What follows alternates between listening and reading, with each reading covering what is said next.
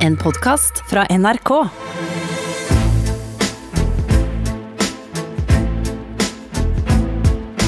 Trump mot verden med Gjermund Eriksen og Sean Henrik Matheson. Ja, da er vi her, Ja, jeg hører det, ja. Church, Church, Church of Trump. Church of Trump. Ja, og det er jo veldig mange som er bekymra for det koronaviruset. Så Ja. lurer jeg på om han her, han som preiker nå,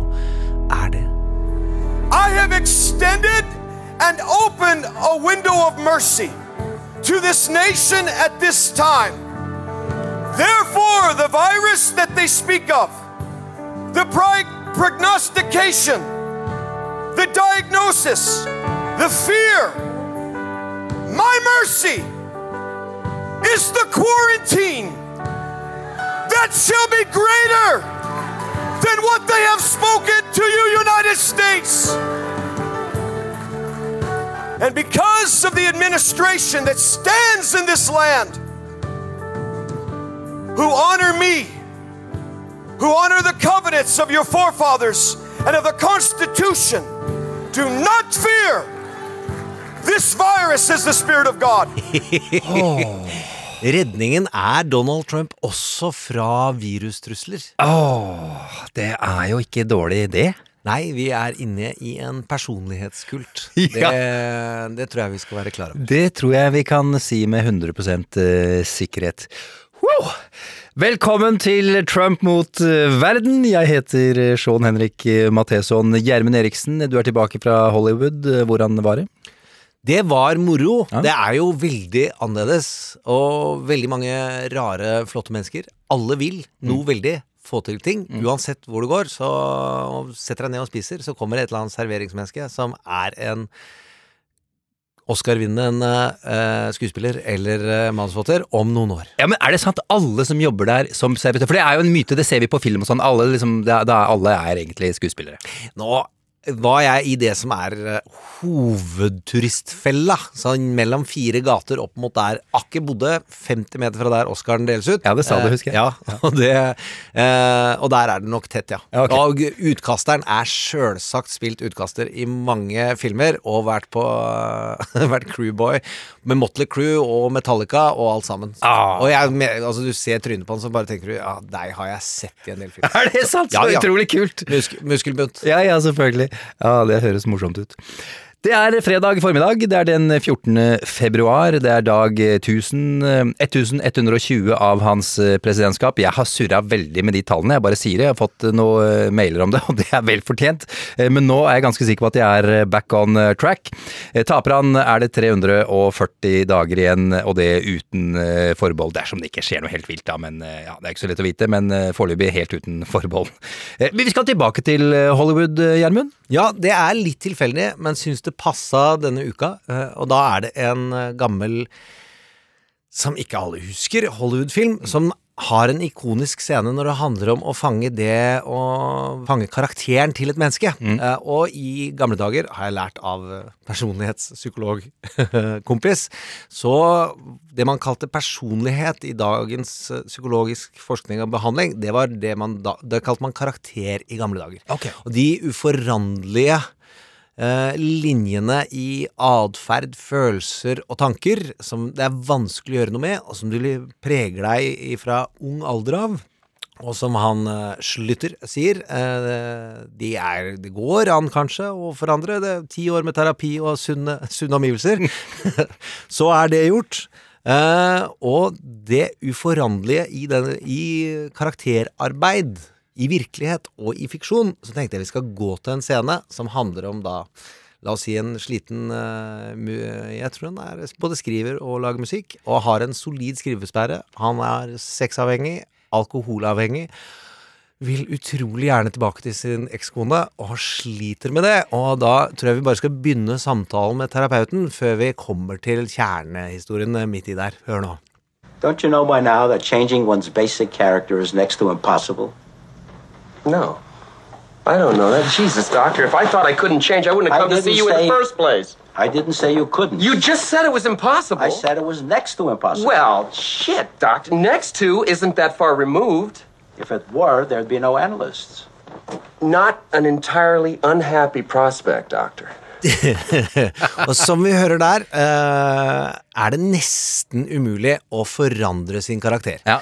Og skal snakke litt om hva som ligger i det, av dramatiske muligheter, men også i hvordan man møter mennesker som har sterke personlighetstrekk som du enten blir veldig glad i, eller la oss si at vi har en podkast om en personlighet som vi er litt redd, kan bli veldig bekymret for.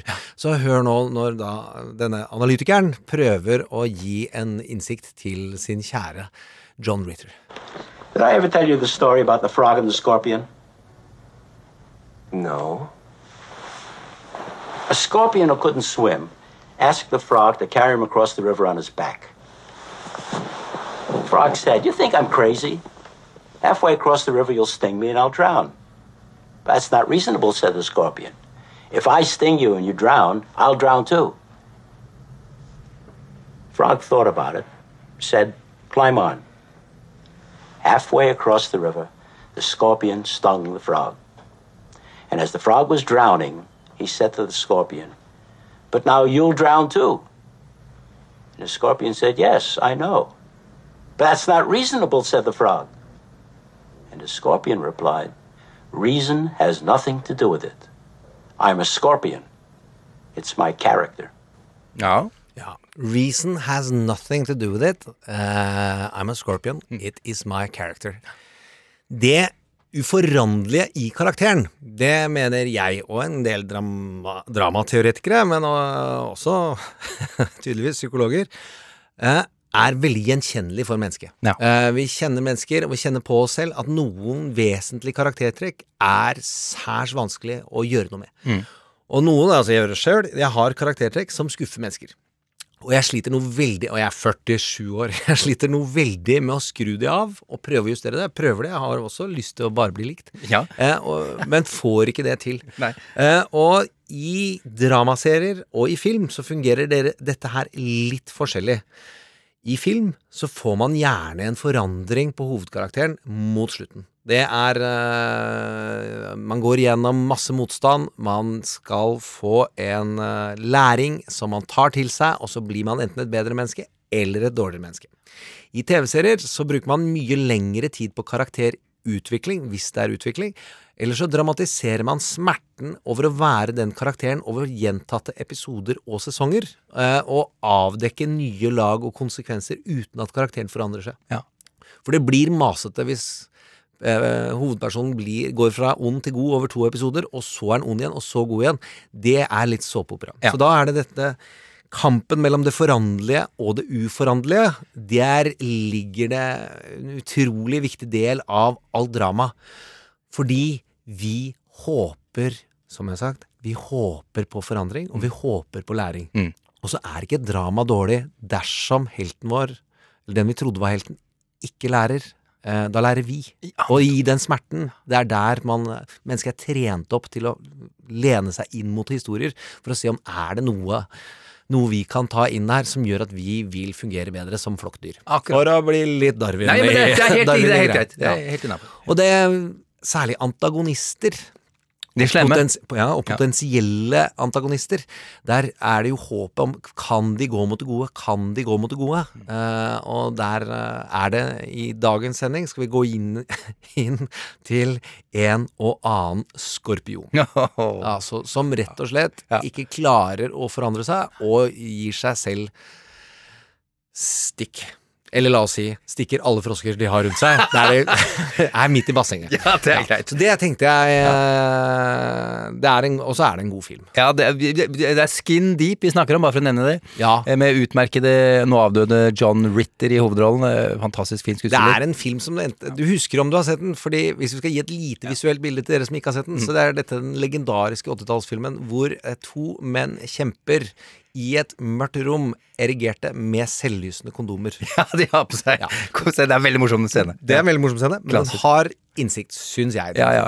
Det er forresten eh, Blake Edwards som har laget filmen. Han som også lagde eh, Pink Panther-filmene, bare for å sette det litt eh, Altså, du skjønner hvem vi snakker om her. Tre ting vi skal snakke om i dag, Gjermund.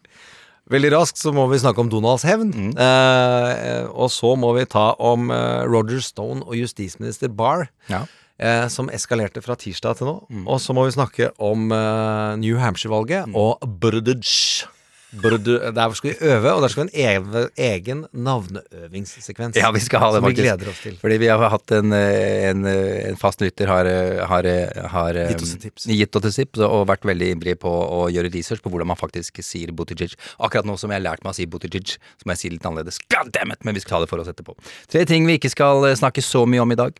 Eh, budsjettet som kom på mandag, det var det ikke plass til. Med Nei. tanke på alt det som har skjedd bare det siste døgnet. Mm. men det er jo veldig viktig for å forstå Donald. Hvor mye han sier han skal beskytte Medicare og Medicaid. Eh, og det er og Social Security. Det er tre veldig viktige velferdsordninger i USA som han hele tiden lover at han skal beskytte. Og han vil gjøre mye bedre enn alle andre. Og i budsjettet så kutter han det. Så det er jo en stor løgn allerede der. Eh, og det er veldig uforståelig, siden det budsjettet han foreslår, aldri kommer til å bli brukt. Og hvorfor ikke det? Nei, fordi det er Kongressen som sitter på Ja, pengemakten, ja, ja. og der skal alle forhandlingene skje. Og demokratene som kontrollerer Representantens hus, vil aldri kutte i de tre tingene der. I, og I hvert fall ikke et presidentvalgår. Uansett, Ja, ok. det budsjettet han foreslår, er et klassisk republikansk budsjett som kutter hardt, eh, og som ikke er en valgvinner. Mm. Uh, og det syns jeg er rart. Ja, pussig. Ja, ok. Eh, vi skal ikke snakke så mye om eh, Dix Velenach eh, heller, denne lille, lille, lille, lille byen i New Hampshire. Ja, det er alle, alle primærvalg-fun facts mor. Ja. Og det er at det er en lite sted nord i Jeg tror det er nord i New Hampshire, hvor det bare bor fem mennesker som har stemmerett. Og de stemmer først. Aller først. Og den som vant den avstemningen eh, i år, det var Bloomberg. Ja. Men han vant ikke bare i demokratenes primærvalg, han vant også republikanernes primærvalg. Ja. Skjønner ikke helt hvordan det foregår, men det er fun fact ganget med fun fact. Ja, det er veldig, veldig gøy. Eh, Iran eh, og Donald, Donald Trump skal vi snakke særlig om? Ikke egentlig. Nei, men det var øh, La oss si Vi må løfte fram noen håpefulle ting. Mm. Jeg tror det var ti republikanske senatorer som gikk med sammen med demokrate, demokratiske senatorer Mm. og sa at du har ikke lov til å engang starte en krig. For det har presidenten vanligvis lov til. Starte krigen, og så gå og spørre om lov etterpå. Mm. Ja. Her har du ikke lov. Ja. Så vil Donald antageligvis sette veto over det. Og da har vi ti som hadde lyst til å markere seg. Ja. Vi hadde én forrige onsdag, Mitt Romney. Nå er vi oppe i ti. Så litt, Litt, håp. litt, Litt, litt, litt, lys, litt håp. Litt sent også at de kom på banen nå, men ok, men da blir det i hvert fall ikke noe krig med Iran med det aller første. Bank, Bank i bord, for det, satser på det. det skal vi Vi satser på det. I forrige episode snakka vi litt om at uh, Trump ikke var helt uh, rabiat under eh, State of the Union-talen sin, og at han kanskje, kanskje eh, ville bruke momentumet til å roe litt ned, være litt eh, mildere. Eh, Ja, det varte vel så lenge podkasten vår varte, tror jeg, Gjermund. Vi skal til Skorpion Donald og hans hevn.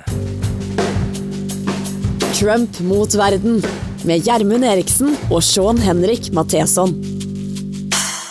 Etter at Senatet stemte for å ikke føre vitne mot eh, Donald Trump i riksrettssaken, etter at Senatet etter hvert stemte for å frifinne ham, og etter at han fikk holde sin eh, reality-TV-aktige State of the Union-tale uten at noe skummelt hang over ham, eh, der han eksempel overrasket en liten familie. Hei, jeg vet dere ikke har sett ham på lenge, og at dere savner ham, mannen din, pappaen din, men vi har ham her! Kom ut, soldat! Var ikke det ganske bra? I, ja, Det var veldig ja, opera. Det var veldig opera. Ja, tusen takk. Hele salen reiste. Så hadde i hvert fall eh, Trump sin eh, beste uke som president noensinne. Det er i hvert fall vår analyse her i, i Trump mot uh, verden. Han hadde vunnet over de ondskapsfulle demokratene og alle andre som mente at han var en skurk, for han var uskyldig, og det har Senatet sagt.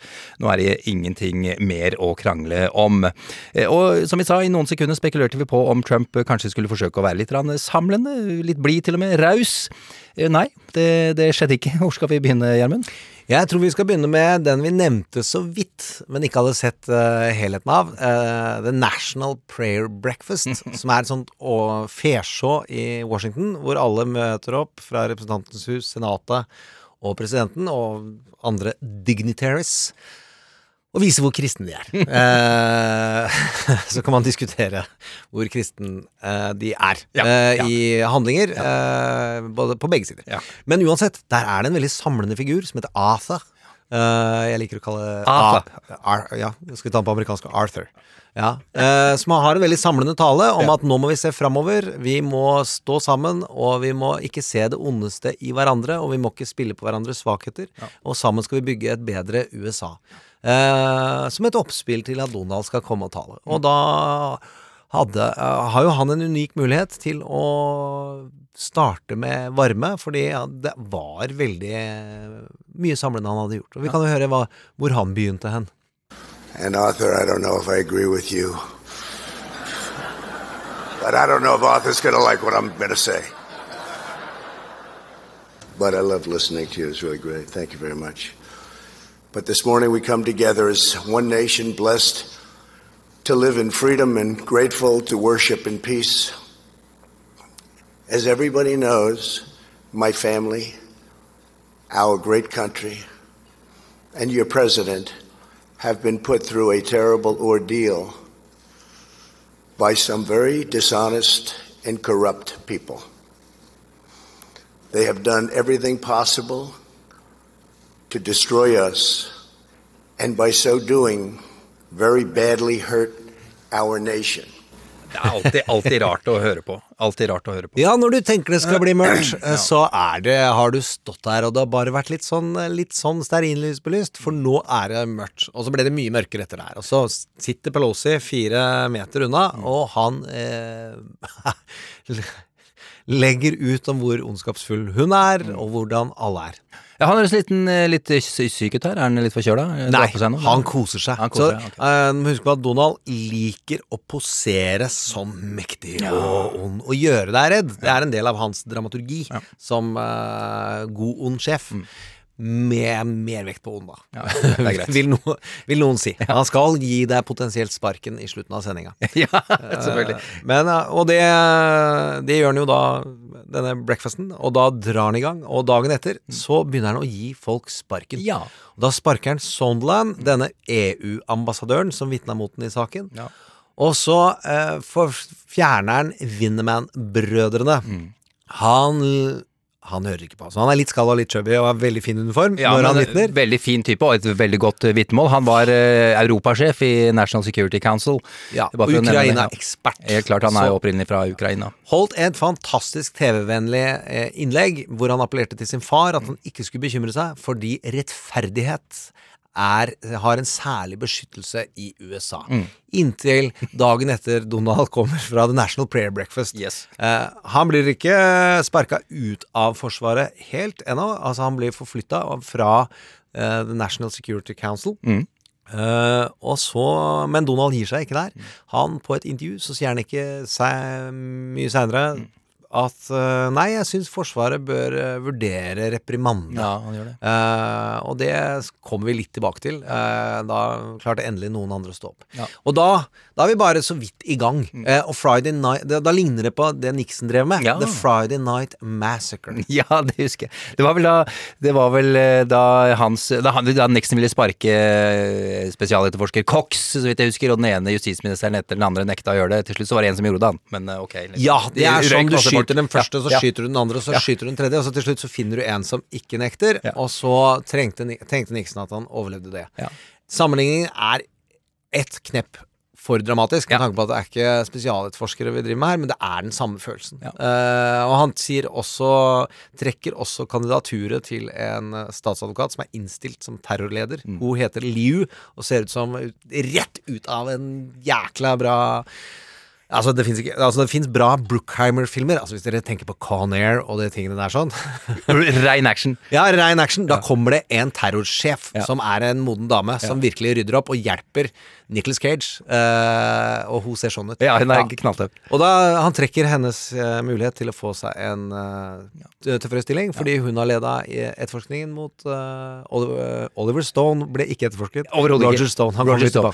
Jessie Lou, hun var jo da Ja, hun hadde oversikt over den saken der. Og da har vi ikke kommet til søndag ennå engang. Nei, nei, vi har ikke det. det Og hva skjedde søndag? Sånn? Nei, hva skjedde? Var det da han var på valgkamparrangement, var det ikke det? I New Hampshire! Han kunne, kunne ikke la demokratene holde på der aleine. Ikke i det hele tatt, for han skulle gloat, Yes. som det heter. Godte seg og rakke ned på. Ja. Og i den New Hampshire-talen hvor han holdt på, var han ordentlig tilbake i gamlesona. Eh, og han tok fram en av de gode gamle slagerne. Eh, The Snake, Ja. som ble framstilt av en av kommentatorene, eller nei, en av publikummerne, sa som det er like stort som når Bruce Springsteen Oh. spiller de sangene han syns publikum er for glad i, så han er gjerrig på dem. Oh. Og da er det visstnok Rosalita, det tar han nesten aldri og spiller, men da er Bruce i form.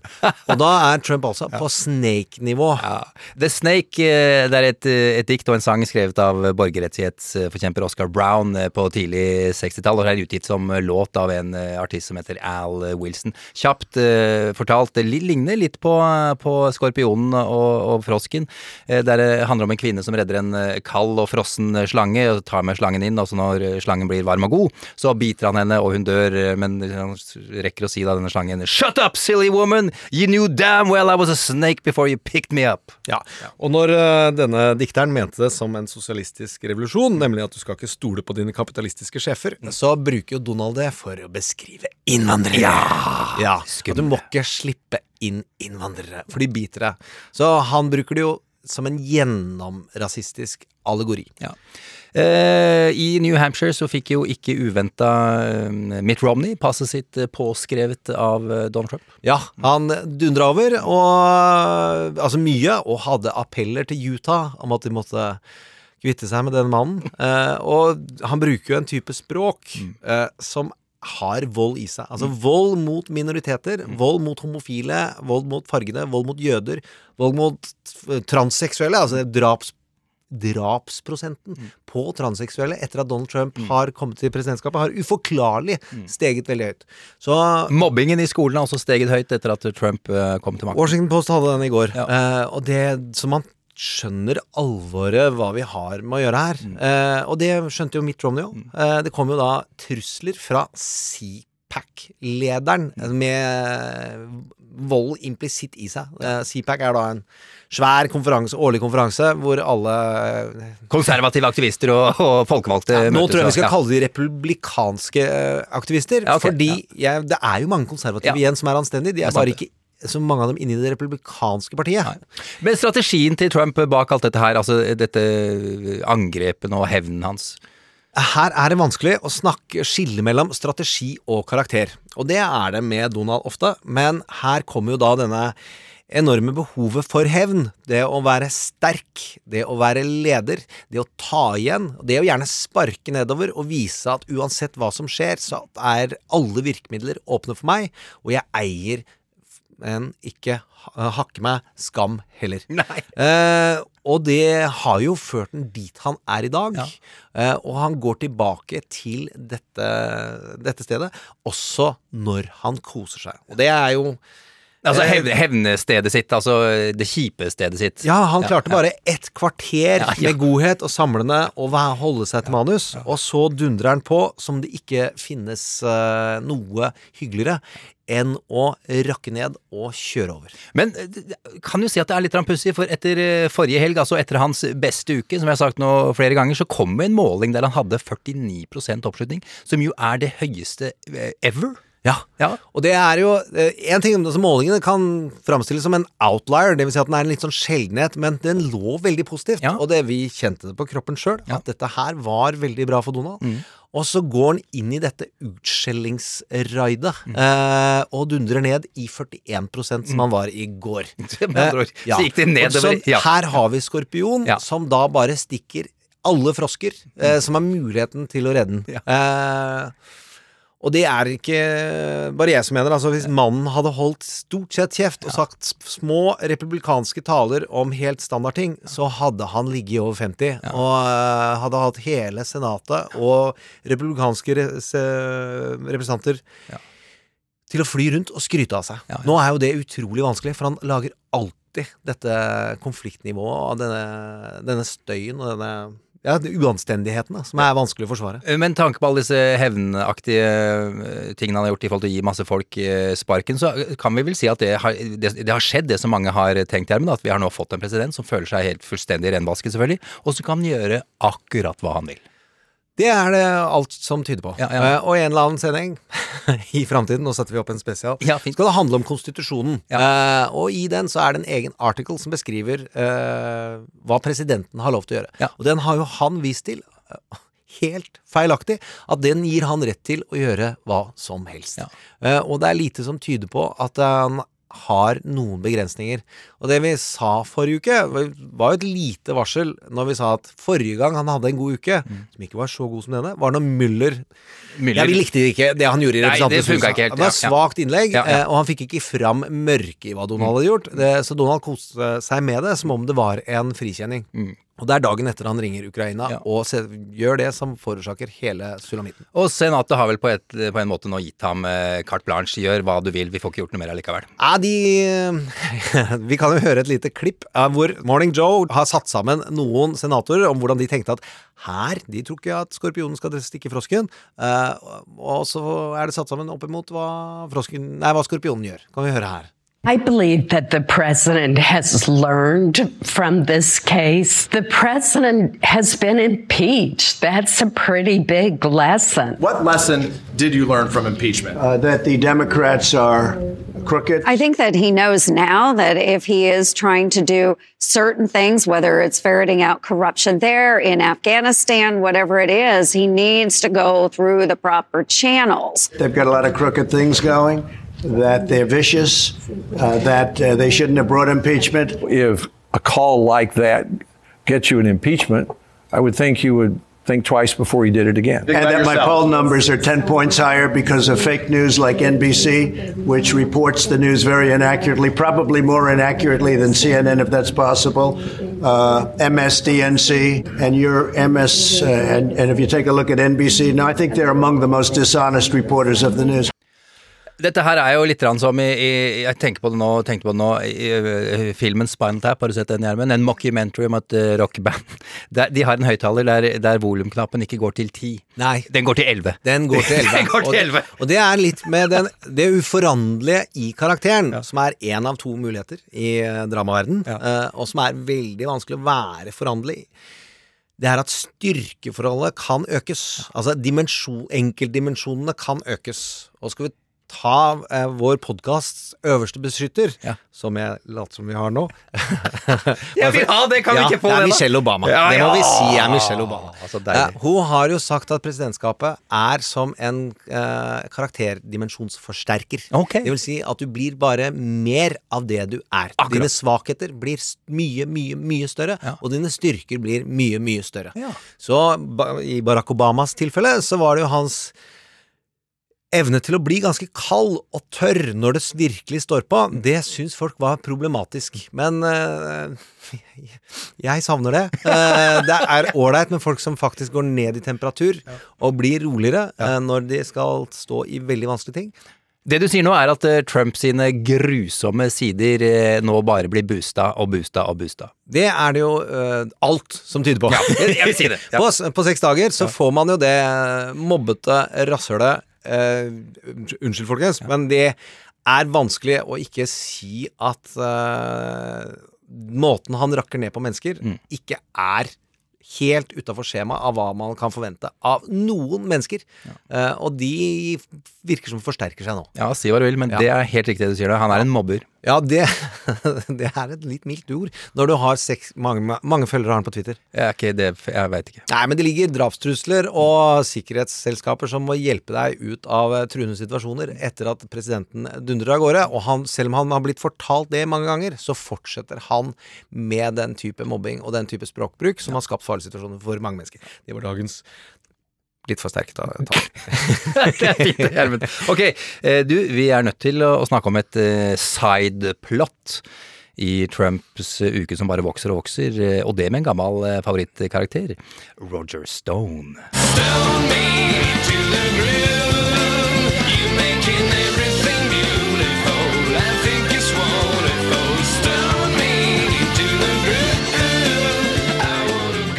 Atomic Swing! Jeg elsker det svensken i Atomic Swing! Det er jo mellomnavnet, antageligvis. Når det kommer folk fra en annen planet og lurer på hva som skjedde her, så er det Donald Atomic Swing Trump som uh, trykka på den røde knappen litt for mange ganger. Roger Stone, en mann vi har nevnt eh, en haug av ganger. Jeg klarer ikke la være, jeg refererer alltid til en dokumentar du kan se på Netflix. Jeg gjør i dag også. Get Me Roger Stone. Eh, I den blir du godt kjent med denne, denne mannen. Ikke bare det. Du får også historien om hvordan det politiske Washington ble revet i filler av, eh, av og ødelagt av uærlige og skruppelløse menn på, på 70- og 80-tallet. Og som kanskje kan sies langt på vei forklare hvordan det republikanske partiet og USA har havnet der det er i dag. Det er dypt fascinerende og mørkt, mørkt, mørkt. Roger Ratfucker Stone, politisk konsulent, spinndoktor. Karrieren skjøt fart da han ble ansatt av Nixon-kampanjen i 1972. Senere har han jobbet for Ronald Reagan og gamle Bob Dole, blant annet. Og selvfølgelig Donald Trump. Hele tiden ja, totalt skruppelløs, der løgner og konspirasjonsteorier sitter løst. Det, hør på dette her, det var eksempel Bill og Hillary Clinton som drepte John F. Kennedy jr., han som krasja småflyet sitt i 1999. Bill Clinton har en hemmelig svart sønn, for ikke glemme at Barack Obama ikke er født i USA, men i Kenya. Det er på dette nivået han ligger, og det uten å mukke. Nå handler det om valgkampen i USA i 2016. Hillary Clintons valgkampsjef John Podestas gmail-konto ble hacket av russerne, og Wikileaks publiserte jo e-postene. E-posten inneholdt annet informasjon om hvordan Hillary Clintons valgkampanjeapparat jobba blant mye annet. 20 000 dokumenter ble lekket av Wikileaks. Dette var Roger Stone involvert i. Han hadde kontakt med både russerne, som sto for hackingen, og Julian Assange fra Wikileaks. Stone visste f.eks. at dokumentene ville bli lekket lenge før de faktisk ble det, og det skal han ha fortalt Donald Trump. Trump har nektet for dette for Kongressen. Alt dette her har da Stone løyet for til Kongressen. I tillegg har han da truet vitner som, som var en del av Mueller-etterforskningen, for å få dem da til å ikke vitne. Med andre ord, Roger Stone var en del av den russiske konspirasjonen for å hjelpe Donald Trump til å bli president, og for å hindre etterforskningen som fulgte i kjølvannet. For et drøyt år siden ble han tiltalt for falsk forklaring til Kongressen og alt det andre jeg akkurat nevnte. I november i fjor ble han funnet skyldig, og mandag denne uken la påtalemyndighetene i USA ned påstand om en fengselsdom på mellom sju og ni år. Gjermund først, jeg, jeg kalte ham en ratfucker. Jeg syns det er veldig morsomt å si. Hva er det? Det er en som, hvis vi skal bruke Østfold-uttrykket, da sier vi at det, er sånn som småkødder med ting. Småkødder! Småkødder lett i, rundt valgkamper. Uh, og det, så det er Stone sitt ord. Han liker å bruke det sjøl. Og ja. det de gjorde under Nixon-kampanjen, og sånn, er å bestille altfor mye pizzaer til et konkurrerende valgkampkontor. Eller bestille masse fra postordrekataloger. Ting som er annoying, men ikke fengsels... Uh, helt fengselsbart. Du fikk ikke bli tatt for alt sammen. Okay. Det var ratfucking. Og ja. da var han jo veldig ung, og ikke så viktig som han har gjort seg til i ettertid. Nei, for det har han uh, virkelig blitt. Men ok, uh, favorittanekdoten om Roger Stone, kan du gi oss den? Jeg må få ta to. Ja, to den ja, ene, den ene er jo hvis Michelle Obama er vår høyeste beskytter, ja. så er vårt høyeste forbilde på journalistsiden ja. Selv om ikke Du er journalist, jeg er ikke det. Uh, Maggie Haberman i New York Times, som har jobbet seg opp i New York-tabloidene og endt opp i New York Times som en av de som forstår Donald mest. Hun har sagt at det er ingen som er så viktig for at Donald Trump har blitt valgt som president, som Roger Stoll. Ah, okay. Eh, og, og hvorfor sier hun det? Det er fordi at Roger har holdt på med Donald siden 70-tallet. Ja. Eh, og gjennom 80-tallet, og begynte å groome at du må jo stille som president. Og det fins liksom sånn videoklipp hvor han nevner det på 80-tallet. Mm. Gjennom 90-tallet gjør, gjør, han det samme. Han får nesten til å stille opp som independent-kandidat i 2001. Og så er han i ordentlig kulissene i 2012, da Donald virkelig, virkelig klør etter å stille, men Romney anser han for, som for sterk. Og så stiller han jo opp nå. Og da er vi over på fun fact 2. Eh, I den strategien om hvordan skulle Donald markere seg, nemlig på fremmedfiendtlighet og um, antiinnvandring og ja, La oss si det litt Jeg har sagt rasist før i dag, og ja, det, det, er, er klokkereint. Ja, så er det Roger Stone som sa du må si 'build a wall'. Fordi Donald klart, huska ikke helt dette her med at det er innvandrere som vil dra alle Det er det som er kampen. Ja. Eh, frykten for det brune ja. er det, en av de største motorene i det republikanske partiet, og det visste Stone. Ja. Da lagde han en metafor som er bra for en fyr som ser, anser seg sjøl som bygger. Ja. ja. Så build a wall. Build a wall. Oh, lett, Lett, lett, lett, å huske. huske. And ja. Mexico ja. is gonna pay for it.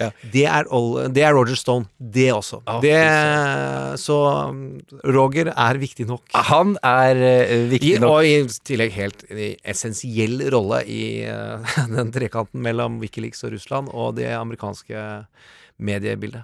Hva er det som har skjedd denne uka her som, eh, som gjør at vi snakker om dette Nei. Du sa jo at han fikk det, eh, De innstilte ut ifra straffeutmålingsguidelinene som eh, foreligger i USA, så ble det satt opp til sju til ni år. Og det begynte da Donald å tweete om og kjefte på eh, inn mot tirsdagen, og sa at dette er helt urimelig. Det, og så kommer det at Justisdepartementet, med Barr på toppen, griper inn og sier her må vi se på straffeutmålingen. Og det er så sjeldent, eh, så vi kan ikke si aldri, men nesten aldri. Og det er kjempealvorlig. Ja, men Eh, og det er fire det er fire statsadvokater som leda hele aktoratets arbeid inn mot Stone. Eh, og ganske raskt og radig, og da leverer de offentlig eh, papirer på at vi trekker oss som aktorer, vi trekker oss som aktorer, vi trekker oss som aktorer. Én, to, tre. Og den fjerde trekker seg som aktor og sier opp jobben sin. Og det er et ras, og dette er viktige jobber, altså. I et eh, helt eh, unikt, sterkt og dyktig eh, statsadvokatkontor i Washington. Ja, ja, men hvor alvorlig er det, vil du si, Gjermund? Eh, her brukes det store ord, eh, og så brukes det store ord av veldig mange eh, dyktige journalister og kommentatorer, og juridiske eksperter, ikke minst, fordi det er vanskelig å forstå at fire stykken trekker seg litt sånn. 'jeg har ikke lyst til å gjøre dette', kan på den gjengse amerikaner og nordmann, uten at man løfter opp og setter inn i kontekst, bli litt feil. Og jeg syns Rachel Maddow, uh, har et program som vi viser til ganske ofte eh, Hør på det hver dag.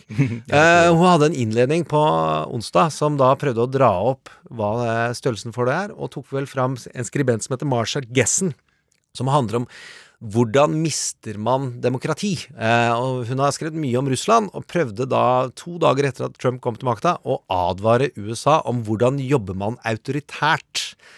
Eh, Så har vi lært av Bård Larsen forskjellen på diktator og autoritært, Ja. eh, og det var det hun tok fram. Hvordan jobber man eh, mot det? Og der er det jo regel nummer tre hun kommer til, om hvor, hvor viktig institusjonene er. Og da kan vi jo høre her hva de sier. Institutions will not save you. It took Putin a year to take over the Russian media and four years to dismantle its electoral system. The Russian judiciary collapsed unnoticed. The capture of institutions in Turkey has been carried out even faster by a man once celebrated as the Democrat to lead Turkey into the European Union.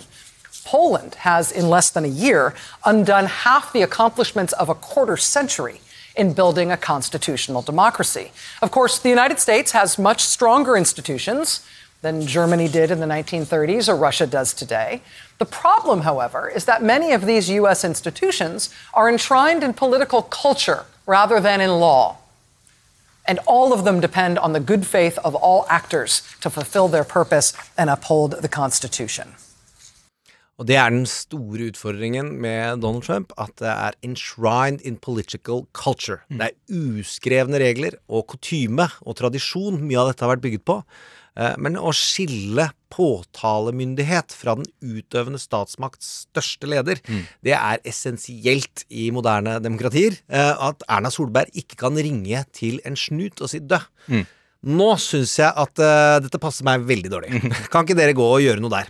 Det er helt utenkelig i Norge at uh, Erna ringer riksadvokat, eller justisminister ringer riksadvokat, og det er fram til nå helt utenkelig at en president ringer en justisminister og sier 'dø'. Dette passer meg ganske dårlig. Eller gir signaler, som da eh, er tilfellet her. Dette er et av de viktigste skillene som fins i maktfordelingen som vi har snakket om tidligere. Nå har han prøvd å rive ned forholdet mellom det utøvende og den lovgivende, og nå ser vi hvordan Justisdepartementets eh, maktområder også svekkes vesentlig. Det andre er liksom FBI skal ta på amerikansk jord, CIA på utsida. Ja. Pass på at ikke behandle Ikke bruk spioner mot egne borgere. borgere. Det andre er Forsvaret kan ikke brukes mot egne innbyggere, kan bare brukes i utlandet. Det er noen sånne grunnleggende ting som man fant på ganske tidlig i moderne demokratier, at det der Her må vi passe på å ikke lage slemme konger og diktatorer. Det rives nå Altså, er det han hakker hardt på. Strupen til med en kniv som er skarp. Eh, Men bare for å toppe det, Gjermund, eh, så, så takket jo Donald Trump eh, justisminister Barr for, for dette arbeidet. Ja, det er uh... Jeg har en Skal jeg lese to? Ja, du må lese den.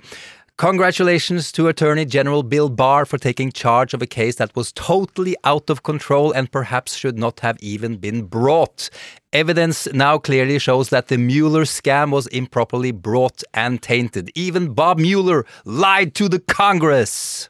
Det er utrolig langt ute å skjelle ut Mueller på den måten. En gang til her, og han topper det en gang til ved å begynne å skjelle ut dommeren. Eh, før hun har begynt å gi, si sin dom, eh, som jeg tror skal komme på, skulle komme nå på mandag, uansett. 20. februar kommer Amy ja. Berman Jackson, som da har måttet være veldig streng i eh, Stone-saken, fordi han drev med trusler. Eh, voldelige trusler. Han drev og tweeta. Han lagde Søren Se hvor fin jeg var. Og ikke Ja, ordentlig. bra. Søren hakke meg. En blink med dommeren i midten. Eh, med sånn s- skytesikte eh, i panna. Eh, og han fikk da tweet og kommunikasjonsforbud. Han angriper den dommeren, og etter det så angriper han juryen og juryformann og diskrediterer. Ja, det er helt vilt. Ja. Altså, jeg bare kan jo nevne en tweet der Ja. eh, som han sendte ut. Is this the judge that put Paul Manafort in solitary confinement? Something that not even mobster Al Capone had to endure. How did she treat crooked Hillary Clinton? Just asking. Og det med solitary confinement er jo også bare tull, eh, Gjermund. Ja. Stemmer jo ikke. Og dette er uh, tilbake til Skorpion nå, og unhinged virksomhet. Dette Justice Roberts, høyesterettslederen i USA, har tidligere, når han har vært ute mot en uh, latinodommer som uh, uttalte seg uh, rett etter at han ble president, så angrep han han. Da kom Justice Roberts ut og sa dette skal vi ikke ha nå. Hos oss er det ikke republikanske dommere og demokratiske dommere, og vi angriper ikke dommere fra den utøvende eller den lovgivende forsamling. Vi er et eget embete. Jeg Lurer på hva Roberts tenker nå om dagen, altså. Ja, Burde han ikke gjenta seg selv, hadde jeg nær sagt. Det, eh, det, det skal vi se på. Eh, her er det muligheter. Ja, ok. Ehm, I går, apropos en uh, stor vending i går, hadde jeg nær sagt. Det er ikke sikkert den er så stor allikevel, men vi skal snakke om det nå. I går var jo Barr ute og sa at uh, tvitringen fra Donald Trump er, var ødeleggende. Jeg vil ikke ha denne mobbingen fra Trump. Hva, hva mener du om, om akkurat dette her, Gjermund? Der ser jeg at en del aviser eh, er ute og sa med headingen 'Jeg vil ikke la meg mobbe'. Ja. 'Jeg vil ikke la meg bli eh, presset til noe som helst'. Og her må vi huske på at her har vi med en som er blitt tatt grunnleggende i løgn to ganger. Den ene gangen ved å feilframstille hva som var Müller-rapportens dypeste konklusjon. Han gikk ut og forskutterte eh, konklusjonen og framstilte den da galt. Og spant det, og spinna, var, fikk offentligheten til å tro at nå kommer det en fullstendig frifinnelse. Og det gjorde det ikke. Det andre er jo rundt Ukraina-skandalen. Så har jo Bolton allerede signalisert at Barr ljuger så det renner av den. Og Lev Parnas har også bekrefta at han har vært involvert. Da sitter Barr med helt Ansiktet hans er ikke straight. det kommer vi tilbake til. Han ligner på John Goodman. Ja. Eh, så det er et kule rundt eh, basketball. Litt sånn pløsete basketball. Ja. eh, uten luft. Ansikt med hull til eh, øyne og munn. ok, nice! Ja. Men litt sur på han. Men at man, at man lager egne saker som sier 'jeg lar meg ikke påvirke'. Dette er en fyr som har løyet om store, svære ting to ganger. Så der syns jeg man skal i hvert fall kontrastere den nyheten i den samme framstillingen.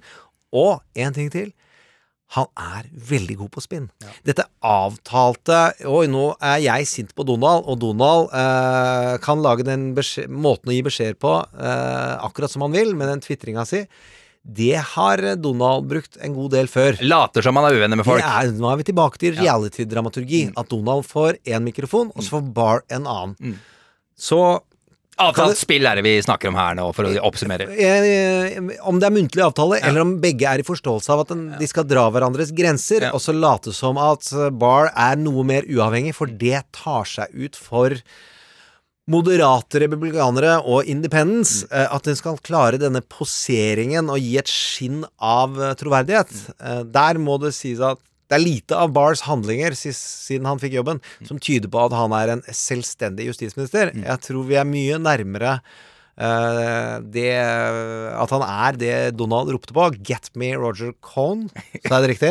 Get me Roger Stone, mener du? Nei, Get Roy me Cohn. Get me Roy Cohn. Roy Cohn, ja. Sorry. Som er en av eh, Var eh, på en måte mentoren til, til Roger Stone. Til Roger Stone. Ja, helt type. og som var en uh, rabiat forsvarer av alle sine klienter, og var helt drøy. Mm.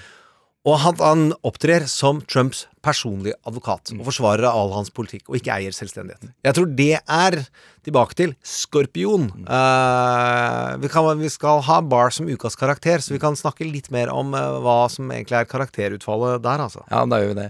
Uh, I forrige uke så sto faktisk, det snakka vi om, Mitt Romney opp mot Donald Trump, Gjermund. Ja, det var stort. Og det er noe som han har fra sin far. Eh, Kom mer fram denne uka. liksom sånn Dybdeforståelsen av hva Mitt Romney er. At hans far var også en kjent politiker som gikk imot det republikanske partiet og sa nei. Nå tror jeg fankeren snyter meg at svarte skal ha litt bedre vilkår her i landet. Eh, og jeg tror kanskje ikke vi skal drive og plage kommunister. Altså, han tok upopulære standpunkter i sitt eget parti, som ble skjelt ut, men som er da noe av det mest over... Altså, virkelig Kanarifuglen i den mørke, mørke, mørke minen. Det heter gruve. Gruven. Ja. Eh, la oss håpe det, at eh, mitt kanari er på vei ut av gruva, og at det kommer noen flere etter den. Ja, men det har jo gjort det. Denne uka her så, så var det en annen mann som gjorde det. Tidligere stabssjef eh, general John eh, Donald. Hvis du sparker meg, kommer det til å bli stilt for riksrett umiddelbart. Kelly. Ja, han er eh, Han sa jo det. Han er en Ja, han sa det. Stor, stor, sterk general som hadde veldig mye kredibilitet, men var ganske hissig på å hive ut uh, latino fra uh, USA, og var kjent som det før han fikk den jobben. Han har jo lovt å holde kjeft. At han vil ikke være sånn som snakker ned Donald. Eh, og så har vi jo hørt at det er rykter om noen framstiller generalene som de som aldri sier imot. Så har vi den at han sier ja, du er nødt til å få en fyr som gjør som meg, nemlig sier nei til deg. For hvis ikke så havner du uh, i riksrett. Han gikk nå ut når Winnemann Da ble trua med at nå skal det være reprimande eh, i Forsvaret, og kanskje miste jobben der. Da kom han ut og sa Brukte svær Mange slegger av ord. eh, at eh, ordentlige soldater er trent opp til å aldri følge ulovlige ordre. Da skal du si ifra. Og det skal aldri straffe seg å gå imot ulovlige ordre. Det var helt tydelig. Det kommer med fostermjølka, folkens. med fostermjølka heter det det. Det gjør det nå, i hvert fall. Ja, men det ja, ja, ja. Ja, det gjør det nå. Ja, det er helt nydelig, det, Gjermund. Eh, Vi skal til eh, New Hampshire, dere. Yes, it is game on for 2020. All eyes are now on who will run for president in 2020. Sounds like a game show, but it's not. One of these candidates could be the next president. Ja, vi skal til vår spin-off-serie, Demokratenes kamp om å vinne tilbake presidenttronen. Etter katastrofevalget i Iowa for snart eh, to uker siden, eh, ikke resultatet, men gjennomføringen, så eh, alt av teknologi sviktet, og det offisielle resultatet kom jo ikke før etter en drøy uke. Der Buttigieg gikk av med seieren, 0,1% foran Bernie Sanders, så var det altså natt til tirsdag at New Hampshire sine innbyggere de skulle gå til valgurnene. Eh, Ja, New Hampshire, du ser for deg USA nå, ikke sant? Ja, fint. Finn Boston nord for New York på østkysten, gå ett hakk opp. Der har du New Hampshire, en relativt liten stat med rett over 1,3 millioner innbyggere. 94% er hvite, de aller fleste er protestanter. En stat med god økonomisk vekst og, og lite arbeidsløshet, eh, og med den fjerde høyeste gjennomsnittlige inntekten for folk i USA. Det var eh, faktisk, eh, som vi jo alle vet, Bernie Sanders som vant, med omtrent ett prosentpoeng foran Pete Buttigieg. Amy Klobuchar kom på tredjeplass, Elizabeth Warren på fjerde, og Joe Biden helt sist. sist. Ja, ikke helt, fordi etter han så kom Tom Stayer. Steyer. Og Yang. Yang må vi ikke glemme, han har jo nå trukket seg. Ja, han da, eller som vi sier, eh, stepped aside. Stepped ja, aside. Slipper de gode kreftene til. Han, han vil ikke være med lenger, og det er ikke så rart. Det var ingen som ville ha han allikevel. Nesten, da! Sorry, Gjermund, det går an å si det. Det må jeg si. Ja, ja, ja. Er beundringsverdig fra å være en forretningsmann eh, fra San Francisco, For så aldri. klarte han å holde seg utrolig lenge. Altså. Ja, det gjorde han virkelig. Det hadde vi ikke Uten sett. for politisk apparat. Eh, Helt Flink riktig. Flink, flink type. Han har vi trua på i tida som kommer, for å si det sånn. Eh, Gjermund, hvor begynner vi Jeg tror vi begynner forrige fredag. Da var det en debatt.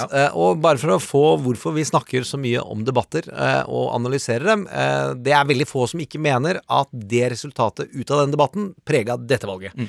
Amy Klobuchar gjorde det veldig bra i debatten. Var på offensiven mot Pete, som hun konkurrerer med i den moderate kjørefila. Mm. eh, Og var god på Bernie og Warren-angrep. Mm. Eh, Og så var Bernie også veldig god. Blåste seg litt opp og gjorde seg til en lederfigur. Og lot det prelle av og pekte framover, og Donald er slem. Biden svak. Og så hadde vi det som var problemet. Burdage, som er verbalt Ja, altså, det er, altså Vi er på Obama-nivå i retori, retoriske evner i eh, argumentasjon, men som Obama så blir han litt bakpå. Eh, og tapte jo bare med ett prosentpoeng. Ja, ja. Og det folk sier, hadde han bare hatt noen gode slag tilbake, så hadde ikke han tapt. Ja, ok, ja. Da hadde han vært i et annet sted nå. Men du, du nevnte Biden, Joe Biden. Oh, hva skjer der da, Gjermund? Nei, det er jo det at det virker jo som at han kommer til å tape og falle fra. Og så er det jo Nå spår vi. Nå ligger vi foran det som uh, vi vet. Han har denne siste håpet om at han gjør det veldig bra i South Carolina, fordi han, han står veldig sterkt blant uh, svarte. Eh, Men hvis man tenker på hva har han gjort for å komme hit, så er det Hillary-feilen en gang til. Og det er det da ikke bare jeg som mener, men jeg mente det til deg når vi snakka sammen på telefon. Ja, og så har David Axelrod, noe mer kjent valgstrateg enn Gjermund Eriksen Til eh, Barack Obama? Ja, sagt det mye av det samme. Han har holdt tilbake seg selv. Altså Han har ikke stilt opp i intervjuer. Han har ikke hatt eh, ordentlige massemønstringsarrangementer. Viktigst av alt, søndagsshowene. Vær til stede i talkshows eh, og i TV-programmer. Han har sjarm, han har empati. Han har masse talefeil, og han kan finne på å si noe rart. Men etter en sjuende så hadde folk slutta å reagere på det. Ja, men det, det er jo Ja, ja, jeg kommer med pakka.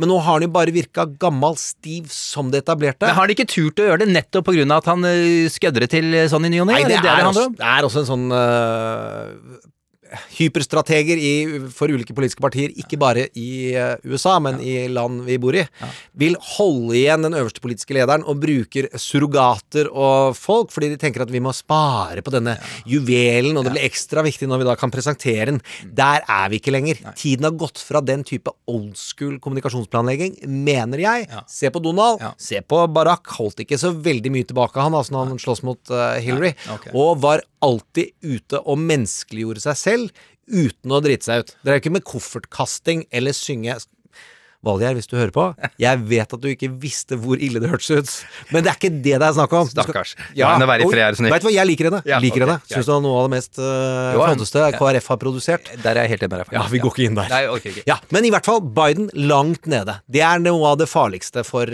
For han så er det Er han ferdig? Kan vi, kan vi nesten Nei, det, si det? nei, det tror jeg aldri. Så okay. er du klin gæren. Men, men han har visst gått tom for penger, Ja. mye mer enn det som har kommet fram. Og så har du hatt da dette onde, som vi ikke skal snakke så, så mye om i dag, men som vi har snakket litt om før, Mm. at impeachment-rettssaken Jeg synes, tror den har vært veldig skadelig for Donald. Mm. Det har ikke hjulpet han mye, men han har fått snakka ned Biden. Og han har ikke tatt imot motmæle. Nei, og det det burde han ha ja, burde ha gjort det. Ja, ja, ok.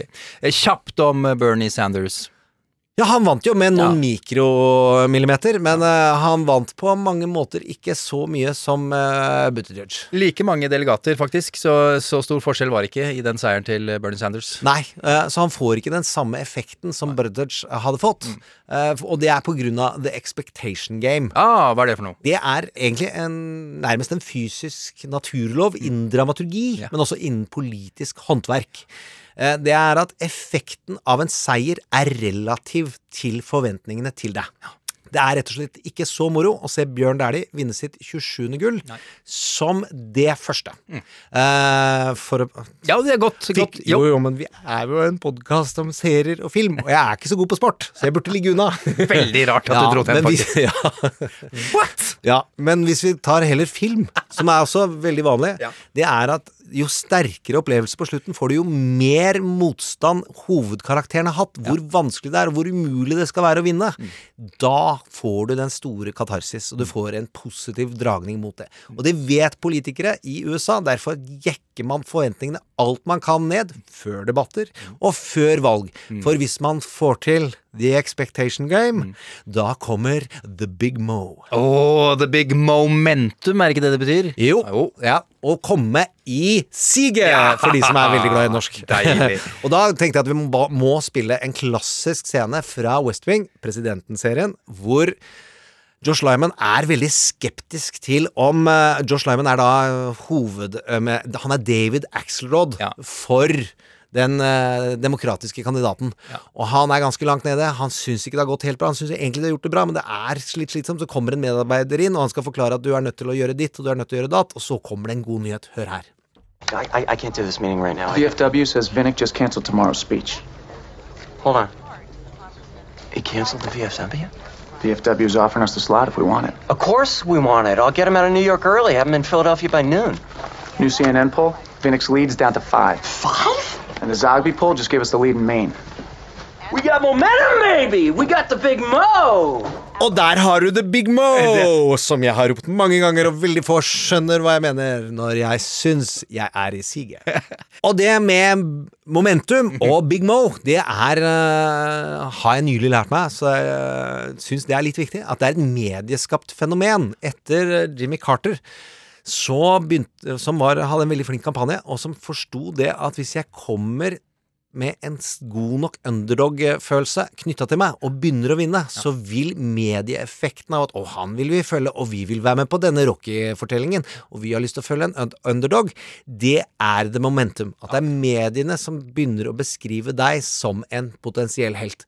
Og folk har lyst til å holde med helter, ja. og ikke så mye lyst til å holde med på tapere. Nei. Ja, Det er ikke rakettforskning, men at det faktisk er en medieeffekt mer enn noe annet, ja. og at politiske valgkampmedarbeidere begynte å planlegge i forhold til den medie medieeffekten. Bill Clinton, The Comeback Kid. Yes, ja, ja. Place Called Hope. Yes. Ja, men det er, der, der er vi der, med Mayor Pete. Så ja, La oss snakke litt om uh, Mayor Pete. Hva tenker du? Nei, det er jo at nå må vi, nå må vi jobbe med å lære oss navnet hans. Ja, skal vi ta det med det samme? Si det, ja, klare å si det okay. naturlig. Ja, ok. Vi har fått en uh, læresetning, hadde jeg nær sagt, fra vår faste lytter, uh, gode venn og kollega, og NRK-legende Klaus uh, Wiese. På American, Klaus the Vice. Klaus jeg har alltid hatt lyst til å bruke det. Han har nemlig brukt litt tid på dette her. Eh, Posta dette her på vår Facebook-gruppe, forresten. Trump mot verden. Det står som følger. Jeg har brukt dagen på å søke opp How do I pronounce Pete Buttigieg, og har endt opp med min egen lydskrift. Pete Buttigieg. Buttigieg. Ja. Buttigieg. Buttigieg. Og da kom jeg på, eh, fordi jeg Altså litteraturstudier mm. som jeg har bedrevet, ja. og på 80-tallet så hadde en av de større dikterne som tok fram tok fram liksom byggesteinene i dette navnet, mm. og brukte det til noe dypere poesi om hvordan man skal våkne opp eh, og ta tak i livet sitt. Mm. Eh, og der syns jeg at Michael, Michael-dikteren ja. er den vi bør gå til. Så um, Mayor Pete, uh, we have a message for you. We have an ultimate message from you by the great poet Michael. You put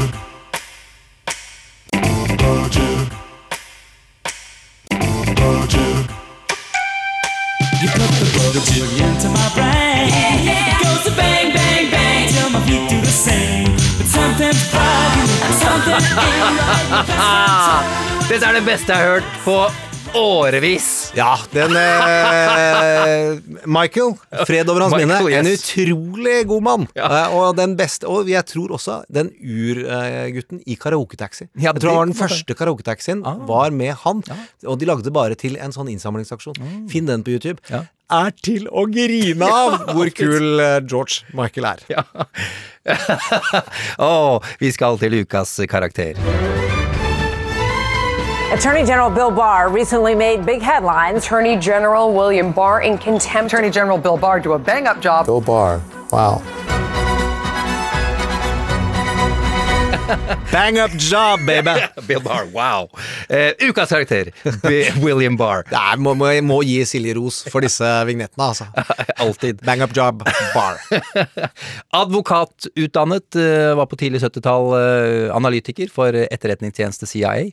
På tidlig 80-tall var han rådgiver for president Ronald Reagan. Så jobbet han som forretningsadvokat i noen år, før han på slutten av 80-tallet ble assisterende justisminister under eh, Bush, den eldre. Ble ordentlig justisminister i 1991, gikk av da Bush tapte mot eh, Bill Clinton og gikk tilbake til det private næringsliv, før han da i 2018 ble justisminister igjen under Donald Trump. Ja, og hvis vi skal ta for oss da denne foranderlige eller uforanderlige i karakteren, så har egentlig Barr hatt to muligheter i seg. Hva er karakteren Barr, og vil han forandre seg, eller vil han ikke forandre seg? Det han var kjent for under Bush, var jo at han fyr som dekka over eh, ikke kriminelle ting som Bush gjorde, men veldig kritikkverdige forhold Mm. som skjedde i den administrasjonen knytta til våpenutleveringer til forskjellige steder. Eh, og brukte noen av de samme triksene som han hadde gjort med Donald nå, nemlig å gi ut pressemeldinger hvor han frikjente ting. Når det kom ut, så viste det seg at det var ikke det det handla om. Han har gjort disse triksene før. Gamle, bruker gamle triks, med andre ord. Ja, så det, vi har den siden av karakteren. Og så blir han en utrolig anstendig forretningsadvokat, og som er en juridisk rådgiver inn i store, viktige politiske prosesser over mange, mange mange år. Eh, og blir rund og god. Ikke at det er noe galt med det, men han har det også. Og så kommer han da, og så har vi de to mulighetene i seg. Og når han kommer inn i Donald Trumps administrasjon, så sitter vi da med en mulighet for håp. Er han det ene, eller er han det andre? Vi om det. Han bruker veldig ærbare ord om hva sin hans stilling om uavhengighet er, og så dundrer han på med det Muller-greiene, og blir da Akkurat som Samuel L. Jackson i Jungle and Chain, hvis noen husker det, så er enableren av ondskap den som støtter slave slavedriveren. Kanskje ondere, eller i hvert fall like ond, og er en større overraskelse for vi som publikum og hovedkarakteren i serien at denne svarte mannen som jobber ved siden av, ikke er slave, men er slavedriverens fremste slavedriver. Eh, eller Littlefinger i Game of Thrones, Mm. som du tenker Spoiler alert. Oh, ja.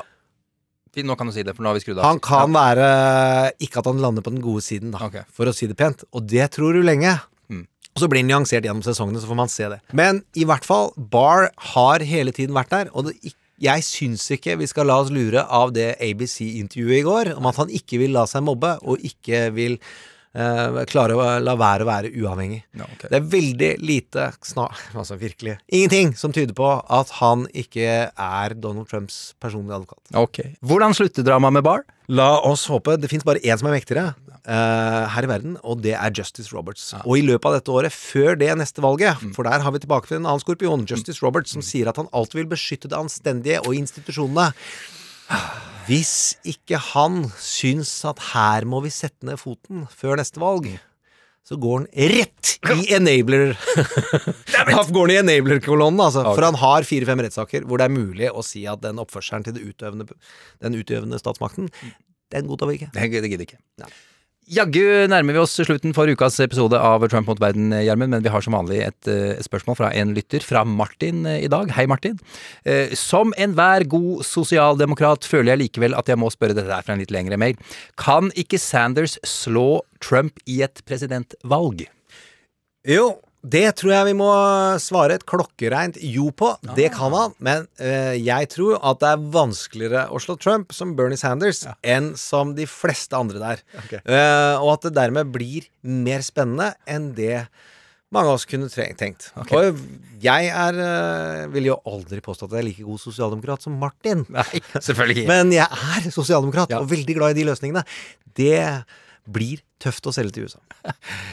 Eh, vi har jo hatt en helt strålende Facebook-konkurranse gående på Trump mot verden-sida vår, eh, Gjermund. Eh, trekke vinner. Vi skal trekke Vi skal bare finne en vinner, da. Fra bare trekke en Vi trekker blant Vi hadde da om hvem er de beste Big-karakterene, hvem fortjener Oscar. Jeg tror vi skal gå gjennom de, og så snakke litt om de eh, neste uke. For det er bare for å huske på galleriet og gjøre noe bredt og godt med det. Mm. Eh, men denne uka så har det skjedd for mye til at vi kan gå grundig inn i det. Vi trekker en vinner. Den blir kjempefin. Og så lager vi en ny konkurranse, og den er som følger. Hvilken filmrolle eller serierolle ligner Barr på? Ja. Forutsetter at jeg Det er lov å gi han en god vending. At han kan være Ole Brums uh, heldige hjelper Nassnøff. Ja. syns han ligner noe mer på anta klassiske antagonister. Og dette er en litt vanskelig krevende oppgave, så den er jo for de som er feinschmeckere. Ja. Gå inn på facebook.com, og så Trump mot verden. Ja, ikke vær redd for at uh, Han er ikke streng, selv om han Jeg kan det. Nei, overhodet ikke. Jeg syns alle skal være med. De gjør ingenting. Det er ikke noe som er feil. Det er ikke det som er feil, så ikke vær redd for det. Det kan virke litt, krev, virke litt krevende, men ikke vær redd for å, for å, for å gi et Og ikke forsøk. vær redd for å være personlig. Nei, nei, Vi forstår film og fortelling Ja. helt ulikt. Helt enig. Jeg har mennesker som rett og slett ikke liker det jeg har laget. Ja, det finnes det? Ja, mange, det finnes faktisk mange. Det er lagd avisforsider om, om disse menneskene. Så det, okay. selger, det verste er at det selger godt òg. Eh, eh, Premien er jo kaffekopp, så, som fortsatt er en produksjon. Tar litt tid, men den blir visst veldig fin, har vi fått eh, rapporter om, så det er bare å glede seg til, til den kommer. Um, Kan vi, høre, kan vi høre sangen bare en gang til? selvfølgelig kan vi det. Ok. Du eh, som hører på, eh, hyggelig at du gjør det. Anbefal oss til venner. Gå på et supermarked, stopp de og si hei, hør på Trump mot verden. Amerikansk politikk må spres Med andre ord, for. ikke bare venner og kjente, men også folk på et kjøpesenter. Heng opp plakater, kjøp boards, send TV-reklame. For det har ikke NRK lov til. Nei, det, må det. må vi ikke gjøre. Det er Silje Martinsen eh, Vettre som som vanlig har produsert Superskille. Superskille og holdt uh, oss i øra. Uh, vi avslutter med trailer for neste uke, Gjermund. Ja, og her må vi til karakterarbeid igjen. Bloomberg må dere se for dere. Han rakk vi ikke snakke om i dag, men det er enorme krefter han har tenkt å bruke i den amerikanske valgkampen. Og noen var nødt til å gå inn og ta en alvorsprat med han. Og da er, gjorde du det sammen med en av de råeste politiske konsulentene kjent i det demokratiske verdensbildet, vil jeg si. Og her er det bare å lene seg tilbake.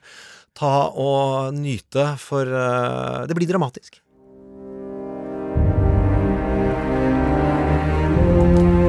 Right, uh, welcome to this crisis management meeting in the Democratic Party. Uh, Bloomberg is sitting here, as you can see, extremely quiet.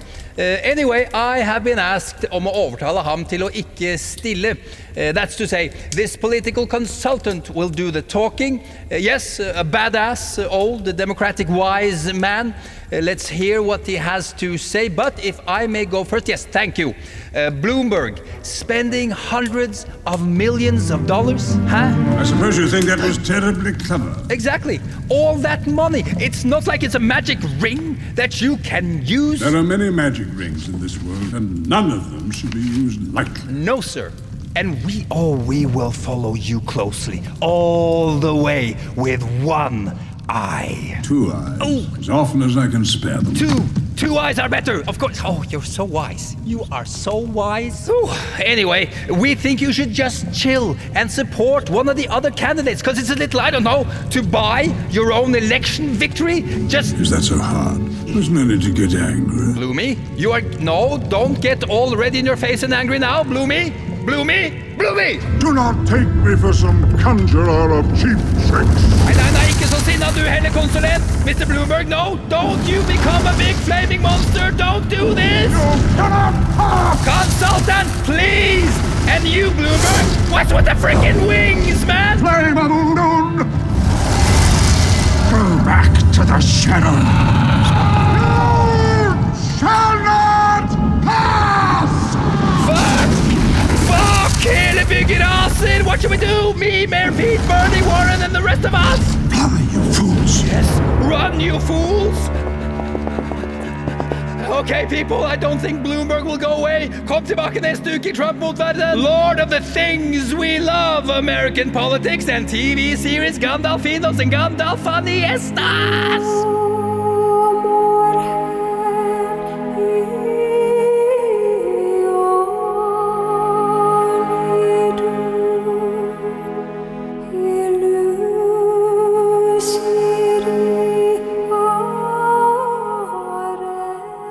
hørt en podkast fra NRK. Hør flere podkaster og din NRK-kanal i appen NRK Radio. Hei, jeg heter Joakim Førsund, og det siste året har jeg snakka med flere av dem som reiste inn i den blodige borgerkrigen i Syria. Og resultatet er blitt podkasten Det svarte flagget.